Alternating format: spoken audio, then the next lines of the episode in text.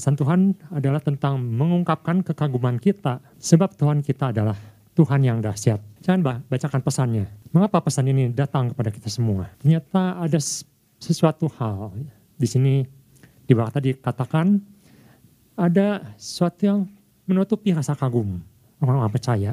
Kenapa? Karena ada peristiwa-peristiwa yang terjadi di hari-hari ini yang membuat orang-orang percaya mulai meragukan, mulai mundur, bahkan mungkin mulai teralihkan oleh hal-hal lain yang dianggap lebih dahsyat. Ini ada suatu teguran buat kita semua. Memang saat ini adalah saat yang tidak mudah, termasuk untuk orang percaya. Karena baru-baru ini saya baca gelombang PHK mulai atau sudah banyak dilakukan. Terutama di sektor-sektor perhotelan, pariwisata, kafe-kafe. Mereka sudah menyerit mereka sudah melakukan demo. Bahkan di tempat kerja kami, sekitar dua minggu yang lalu, dengan mata kepala sendiri melihat, kami melihat mereka berdemo dan sudah mulai disusupi oleh oknum-oknum yang akan melakukan kacauan. Tapi puji Tuhan, Tuhan melindungi kita semua sehingga semua boleh berjalan dengan baik dan aman. Tidak mudah. Kondisi COVID ini ternyata merebak ke semua sektor. Termasuk dalam kerohanian di mana persekutuan kita bagi sebagian ada yang mulai longgar, mulai mundur. Karena itu Tuhan ingatkan kembali melalui Mazmur 47. Kita bisa lihat Bani Korah bagaimana mereka tetap kuat di dalam Tuhan. Bagaimana mereka tetap tinggal di dalam hadirat Tuhan. Dan itu yang membuat mereka terus mempunyai iman yang sungguh dalam Tuhan dan terus memuji Tuhan dalam hidupnya. Mungkin banyak yang bertanya, mengapa banyak orang yang dipanggil pulang, termasuk orang percaya. Tetapi ketika saya renungkan, sebetulnya mungkin lebih tepat mengapa kita masih hidup saat ini. Apa yang Tuhan ingin kita lakukan? Apa yang seharusnya kita lakukan buat kita yang masih hidup, yang masih diberi kesempatan di saat-saat seperti ini. Oleh karena itu saya merenungkan ada dua hal yang akan saya bawakan. Yang pertama adalah Mengapa kita harus ungkapkan kekaguman kita kepada Tuhan? Yang pertama karena ia adalah Allah Immanuel. Allah Immanuel, Allah yang berserta kita. Allah yang tidak bisa dibatasi dengan keadaan. Termasuk dalam keadaan seperti sekarang, di mana ini ada keadaan global, seluruh dunia. Semua orang, besar, kecil, tua, muda, kaya, miskin, orang percaya, orang tidak percaya, semua mengalami. Sepertinya Tuhan tidak peduli lagi. Sepertinya Tuhan meninggalkan begitu saja. Sepertinya Tuhan sudah tidak memberi kesembuhan. Tetapi kita ingat bahwa Yesus pun pernah mengatakan bahwa semuanya itu akan terjadi. Tetapi yang memegang membuat kita tetap kuat adalah kita akan baca di Matius pasal 28 ayat 20b. Saya akan bacakan. Di situ Yesus mengatakan, ketahuilah, aku menyertai kamu senantiasa, senantiasa maksudnya dulu, sekarang, nanti, sampai kepada akhir zaman. Tuhan kita adalah Tuhan yang tidak bisa dibatasi tempat. Dalam Mazmur 47 ayat yang ketiga, di situ dikatakan, sebab Tuhan yang maha tinggi adalah dahsyat. Aja yang besar atas segala bumi, atau seluruh bumi. Ayat ke-9, Allah memerintah sebagai raja atas bangsa-bangsa.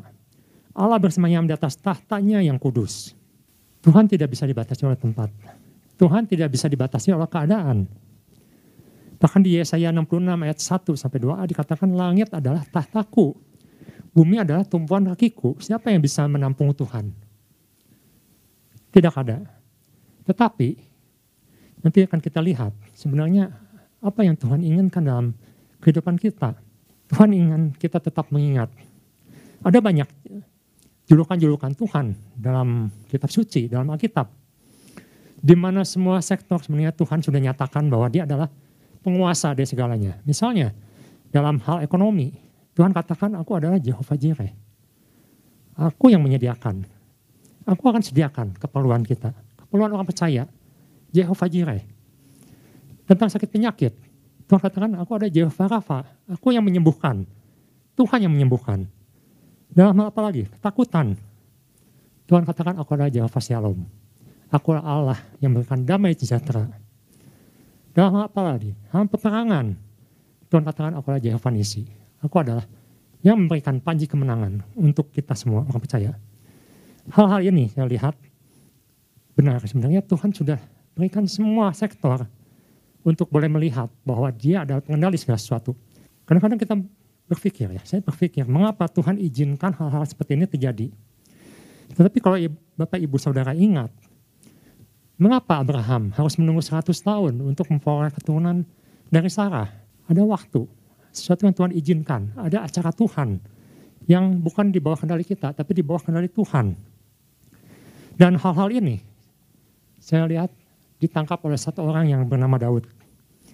Dia sangat menangkap apa artinya Jehovah Jireh, apa artinya Jehovah Rafa, apa artinya Jehovah Shalom, apa artinya Jehovah Nisi. Mari kita lihat di 2 Samuel pasal 6 ayat 14. Kita perlu meneladani sikap seperti Daud ini. Dia benar-benar mengerti apa itu artinya Tuhan adalah Immanuel. Dan Daud menari-nari di hadapan Tuhan dengan sekuat tenaga. Ia berbaju efod dan kain lenan. Apa yang dilakukan Daud saat itu? Ketika ia tahu bahwa sebenarnya Tuhanlah pengendali hidupnya.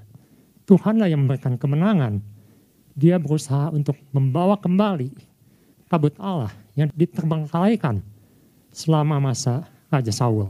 Tabut itu malah kan pernah dirampas oleh bangsa Filistin.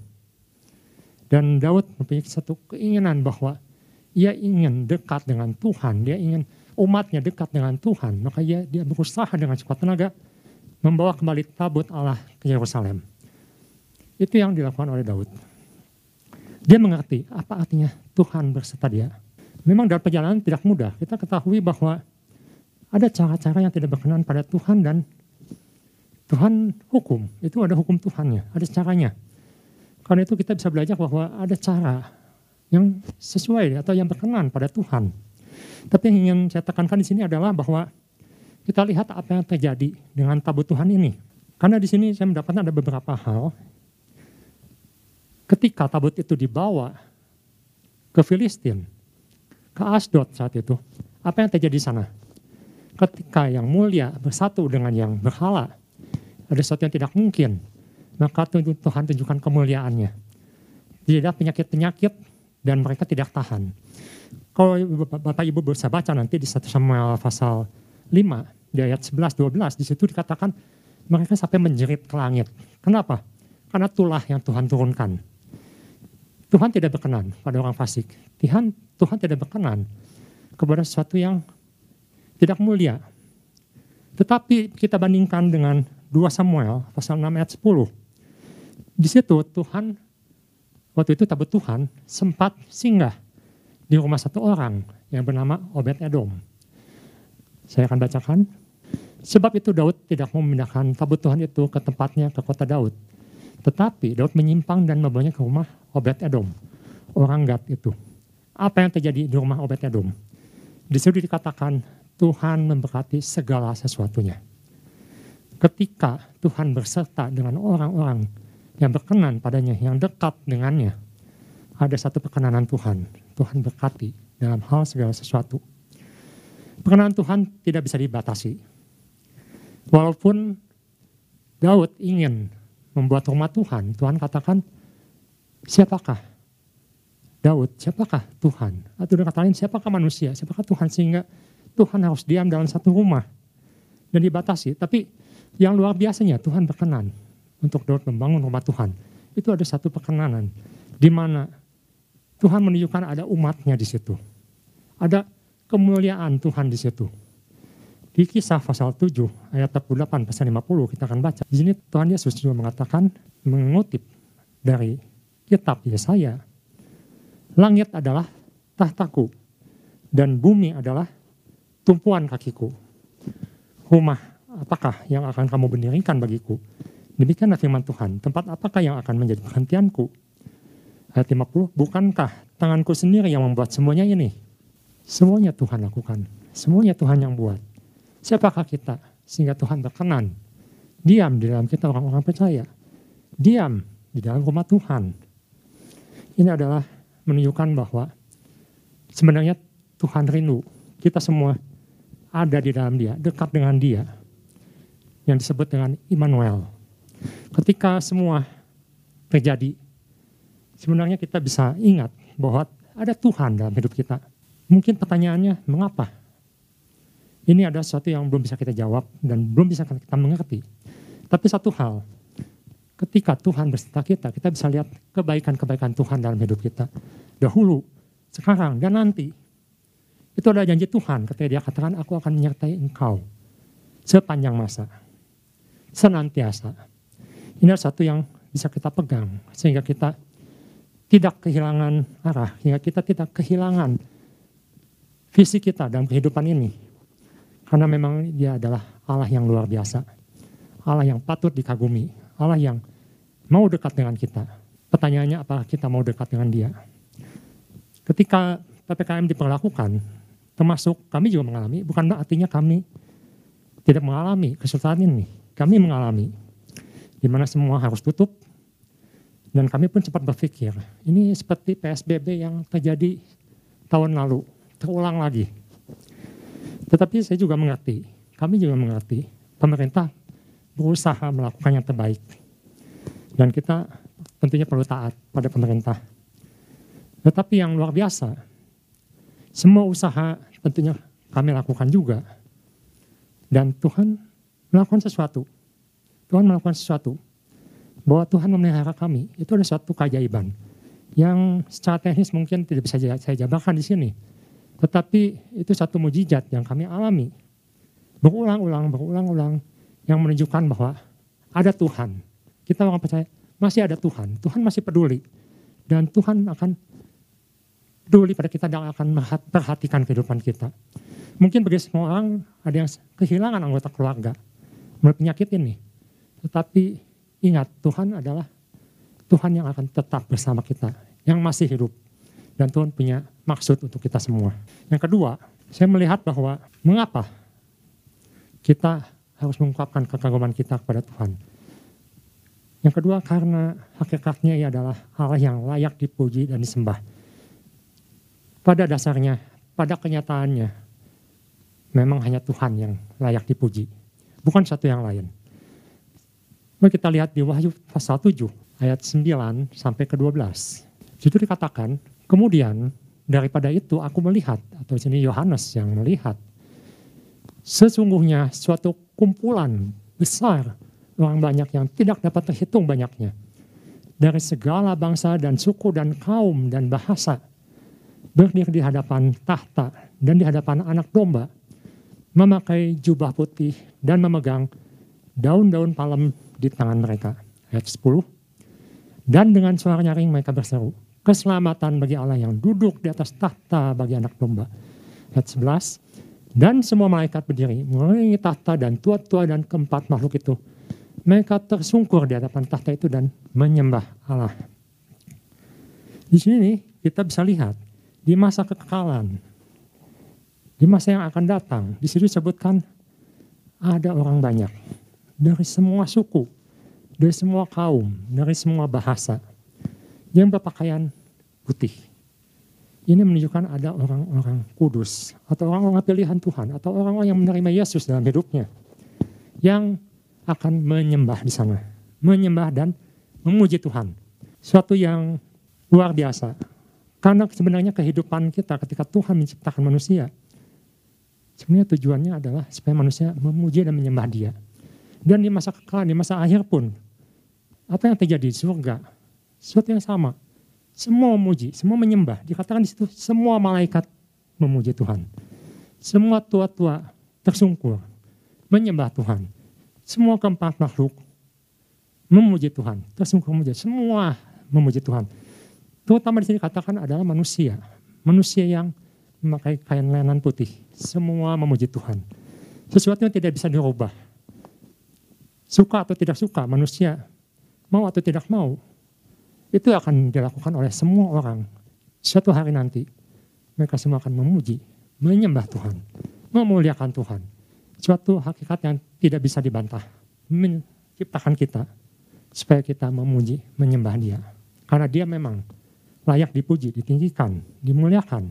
Wahyu pasal 5 ayat 2 dikatakan, dan aku melihat seorang malaikat yang gagah, yang berseru dengan suara nyaring katanya, siapakah yang layak membuka gulungan kitab itu dan membuka meterai-meterainya? Dan dia katakan di ayat yang ayat ketujuh, lalu datanglah anak domba itu dan menerima gulungan kitab itu dari tangan dia yang duduk di atas tahta itu. Ayat ke-8, ketika ia mengambil gulungan kitab itu, tersungkurlah keempat makhluk itu dan ke-24 tua-tua itu di hadapan anak domba. Masing-masing memegang satu kecapi dan satu cawan emas penuh dengan kemenyan itulah doa orang-orang kudus. Ayat ke-9, dan mereka menyanyikan suatu nyanyian baru katanya. Engkau layak menerima gulungan kitab itu dan membuka meterai-meterainya. Karena engkau telah disembelih dan telah memberi mereka bagi Allah dari setiap-tiap suku dan bahasa dan kaum dan bangsa. Ketika semuanya akan berakhir di sini, karena masih ada orang-orang yang tinggalkan di bumi saat itu. Dan meterai akan dibuka, gulungan kitab akan diberikan. Tidak ada satupun yang layak mengambil atau membukanya, kecuali sang anak domba. Di sini di sini menunjukkan bahwa hanya Yesus yang layak ditinggikan, dimuliakan. Tidak ada satu manusia pun, tidak ada satu makhluk pun, tidak ada satu ciptaan pun yang sanggup untuk menerima kitab itu dari tangan Allah. Hanya Yesus. Kita belajar di sini bahwa sebenarnya mengapa manusia harus memuji Tuhan itu karena memang naturnya atau secara alami memang itu yang harus kita lakukan. Ketika kita mengingat bahwa dia adalah pencipta, hanya dia yang layak tinggikan, hanya dia yang berkuasa, hanya dia yang layak mengambil otoritas. Maka dia layak ditinggikan, dimuliakan. Dan dikatakan di akhir zaman, ketika suatu hari kita nanti pulang, itulah yang akan kita lakukan. Kita semua akan memuji, menyembah, tersungkur di bawah kaki Yesus, di bawah kaki Allah. Ini adalah suatu kebenaran. Jadi dua hal ini pagi hari ini kita renungkan kembali, mengapa kita harus bersorak bagi Tuhan. Jangan terpaku dengan keadaan. Jangan terpaku dengan masalah. Karena Tuhan ada di atas masalah. Tuhan ada di atas keadaan. Dan kadang-kadang Tuhan izinkan ya, sesuatu terjadi. Supaya kita yang masih hidup tetap bisa memuliakan Tuhan. Tetap bisa memuji Tuhan. Karena ini belum selesai. Ini belum berakhir suatu hari kita akan melihat bahwa apa yang Tuhan lakukan harus semuanya adalah baik. Dan ingat bahwa dia adalah Immanuel. Dia adalah Jehovah Rafa, Jehovah Nisi, Jehovah Shalom. Nah, sekian firman Tuhan, ya Tuhan Yesus memberkati.